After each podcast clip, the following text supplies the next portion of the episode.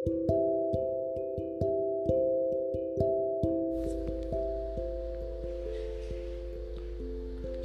Bapak Ibu Saudara-saudari yang terkasih di dalam nama Tuhan. Kembali lagi kita akan belajar firman Tuhan dari seri kitab Amsal. Judul renungan pada hari ini adalah Jangan Bermain Api. Pembahasan diambil dari Amsal pasal yang kelima Dan kita akan memfokuskan pembacaan pada ayat 1 sampai ayat ke-11 Saya akan membacakan untuk kita semua Demikianlah firman Tuhan Nasihat mengenai perjinahan.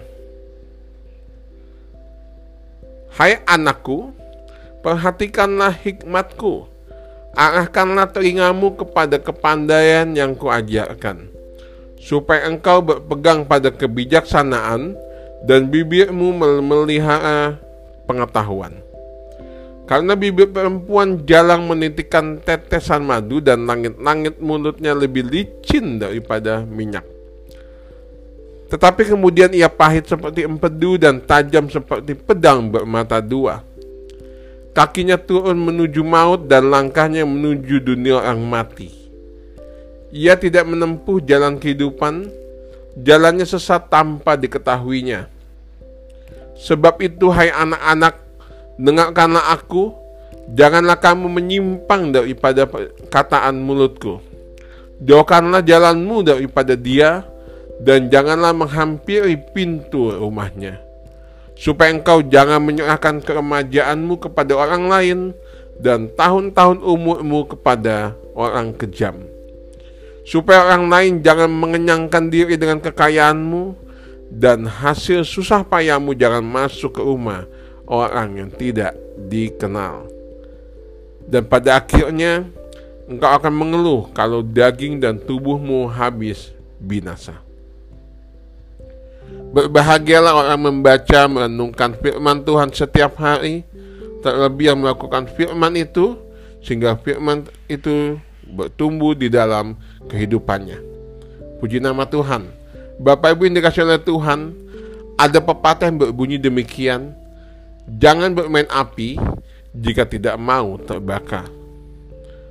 Pepatah ini memiliki himbauan atau peringatan atau lebih tepatnya larangan tentang jangan cari-cari masalah atau jangan cari gara-gara jika tidak ingin sesuatu yang tidak baik itu terjadi. Demikian halnya dalam Amsal 5 merupakan salah satu nasihat daripada banyak nasihat yang dituliskan oleh Salomo. Amsal 5 berbicara tentang nasihat mengenai perjinahan dengan dituliskan ayat ini menunjukkan bahwa perjinahan merupakan hal yang berbahaya. Nasihat ini dapat dilihat dari dua sisi, yakni preventif dan persuasif. Secara preventif, nasihat ini bermaksud untuk mengingatkan atau mencegah supaya tidak terjadinya perjinahan. Hal ini dapat dilihat dari berulang kali penulis yaitu Salomo menuliskan agar pembaca berpegang kepada hikmat Tuhan dan tidak tergoda pada godaan seksual yang berujung kepada terjadinya perjinahan. Secara persuasif, nasihat ini mengingatkan kembali akan bahaya perjinahan yang telah terjadi. Kita bisa melihat di dalam ayat yang ke-20 sampai 23. Namun terlepas dari apa pun nasihat yang dituliskan, penting bagi kita yang hidup pada masa kini untuk memahami bahayanya dosa perjinahan atau bahayanya akan tindakan perjinahan. Saya mendapati ada dua macam perjinahan di dalam Alkitab. Pertama, secara fisik. Perjinahan secara fisik dilakukan dalam ketertarikan dengan lawan jenis yang ujung-ujungnya mengarah pada hubungan kedekatan hingga kepada akhirnya tindakan seksual atau hubungan seksual. Yang kedua, perjinahan secara non fisik yaitu dilakukan secara atau melalui pikiran di mana ketertarikan dengan lawan jenis hingga memiliki pikiran yang tidak pantas. Yesus menuliskan dalam Matius 5 ayat 28 tertulis demikian. Setiap orang yang memandang perempuan serta menginginkannya sudah berzina dengan dia dalam hatinya. Yesus mengatakan ayat tersebut khususnya terdapat kata perempuan. Mengapa demikian? Karena pria pada umumnya memiliki kelemahan pada mata. Namun, saya percaya ayat ini juga berlaku bagi setiap orang termasuk wanita. Artinya dari dua jenis perjinan yang sebut saya sebutkan tadi, baik secara fisik maupun dalam pikiran, kita bisa melihat bahwa ada titik temunya tentang adanya hal-hal yang tidak pantas terjadi baik secara fisik hubungan secara fisik maupun dalam pikiran. Salomo menuliskan dalam Amsal pasal yang kelima bahaya perjinahan dapat diatasi dengan hikmat dari Tuhan. Artinya perjinahan dapat diatasi jika kita memiliki hidup yang terfokus kepada Tuhan. Dalam hal ini bukan berarti orang yang fokusnya sama Tuhan itu kebal dari dosa perjinahan atau tidak bisa tergoda. Saya mau garis bawahi di sini adalah godaannya tetap ada tetapi fokusnya teralihkan hanya kepada Tuhan bukan kepada godaan yang ada. Bapak Ibu ini dikasih oleh Tuhan, hidup yang berfokus kepada Allah akan menolong kita untuk mengatasi dosa perjinahan bahkan dosa-dosa yang lain. Salomo beberapa kali menuliskan tentang memfokuskan diri kepada Allah seperti perhatikan hikmatku, ajarkanlah telingamu kepada kepandaian yang kuajarkan.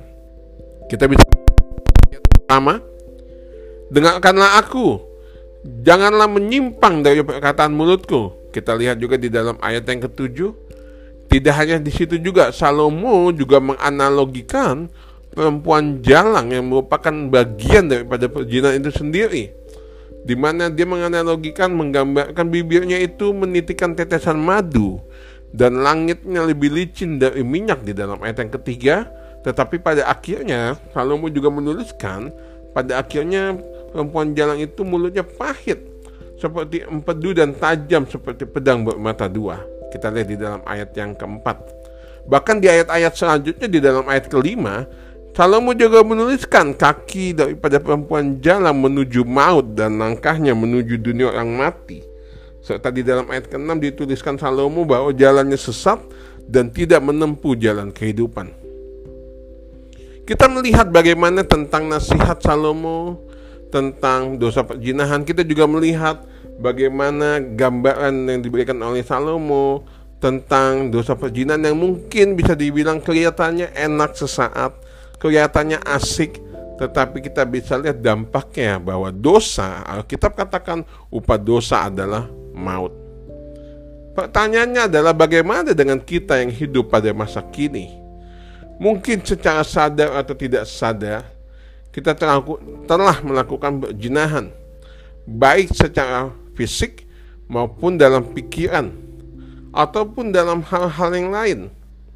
Saudara yang dikatakan oleh Tuhan, Salomo dengan jelas mengajarkan kita untuk hidup berfokus atau hidup tetap terhubung kepada Tuhan. Allah ingin kita terus terkoneksi dengan Dia. Kenapa? Karena ketika kita terkoneksi dengan Allah, maka kita tidak akan terpengaruh dengan yang lain. Saya katakan seperti tadi di awal bahwa bukan berarti godaannya tidak ada, tetapi karena fokus kita hanya kepada Allah, maka kita tidak akan mengalihkan pandangan atau kepada yang lain. Saya memiliki headset Bluetooth yang biasa saya pakai untuk mendengarkan musik. Setiap kali saya mau mendengarkan musik melalui headset, biasanya saya harus nyalakan headset tersebut dan saya harus konekkan dengan HP atau laptop di mana saya mau dengar. Kalau di HP berarti di HP saya nyalakan, saya koneksi, begitu juga kalau di laptop pada akhirnya ketika saya konekkan nanti ada bunyi connected. Ketika sudah ada bunyi connected, maka artinya itu sudah terhubung. Ketika handphone atau laptop saya putar musik, maka suaranya muncul di headset saya. Ketika headset tersebut sedang connected dengan HP atau laptop saya, maka dia tidak bisa connect ke sumber yang lain nggak bisa connect ke HP yang lain atau ke sumber yang lain. Kenapa? karena dia sudah terkoneksi hanya kepada HP atau salah satu HP atau laptop saya. Demikian juga dengan hidup kita ketika kita terus terhubung dengan Allah. Fokus kita hanya kepada Allah dan bukan kepada godaan-godaan yang ada. Bagaimana contohnya?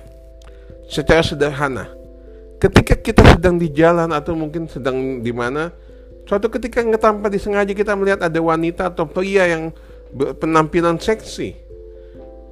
Jika ketika kita kita melihat penampilan tersebut atau mungkin penampilan seksi, jangan kita memandanginya, kita melototnya dan kita bilang darah Yesus samping kita akan tumpang tangan. Hal tersebut tidak akan mempan. Yang harus kita lakukan adalah menjauh atau mengalihkan pandangan. Jangan yang tadinya kita lihat malah mata kita melotot di lalatan. Bukan berarti kita tumpang tangan darah Yesus maka godaannya hilang. Tidak. Kita bilang darah Yesus maka kita akan kebal. Tidak. Justru kita harus lari atau mungkin dalam artian di sini menghindar atau pergi dari situ atau mengalihkan pandangan. Atau juga mungkin kalau kita sudah berkeluarga, tiba-tiba di tempat kerja atau di mana kita punya teman, ada teman dekat khususnya mungkin lawan jenis, laki-laki dengan perempuan atau sebaliknya. Kedekatan itu mungkin sudah mengarah pada rasa nyaman dan akhirnya mulai mengarah kepada melampaui batas. Udah nyaman, udah mungkin lebih kepada curhat atau cerita yang bersifat privacy, sebagai orang yang sudah berumah tangga, tentunya kita harus membatasi hubungan dengan lawan jenis. Dalam artian tidak membuat tidak membangun hubungan sampai kepada hal-hal yang melewati batas. Karena di situ muncul. Kenapa? Ketika kita membuka celah, awalnya dekat, dari dekat akhirnya nyaman, dari nyaman akhirnya kita lupa kalau kita sudah punya istri atau punya suami. Nah dari situlah muncul celah dan muncullah nanti celah untuk terjadinya perselingkuhan dan juga melahirkan dosa-dosa yang lain. Ada orang Jawa punya istilah Witing tresno jalaran songko kulino. Artinya apa? Cinta datang atau tumbuh karena tak biasa. Yang tadinya nggak biasa, nggak ada cinta, tapi karena tak biasa, karena sama-sama terus-terusan, nyaman, cinta lokasi. Nah, itu yang jadi masalah. Dua contoh ini menjadi mungkin menjadi gambaran bagi kita semua bahwa untuk kita dengan tegas tidak fokus kepada godaan tersebut tetapi minta hikmat daripada Tuhan untuk mengatasi godaan-godaan yang ada supaya hidup kita terbebas dari zona dari dosa perjinahan. Kiranya Tuhan menolong kita untuk terus bertumbuh dalam firman-Nya dan kita melakukan hidup yang terus berfokus hanya kepada Allah. Puji nama Tuhan.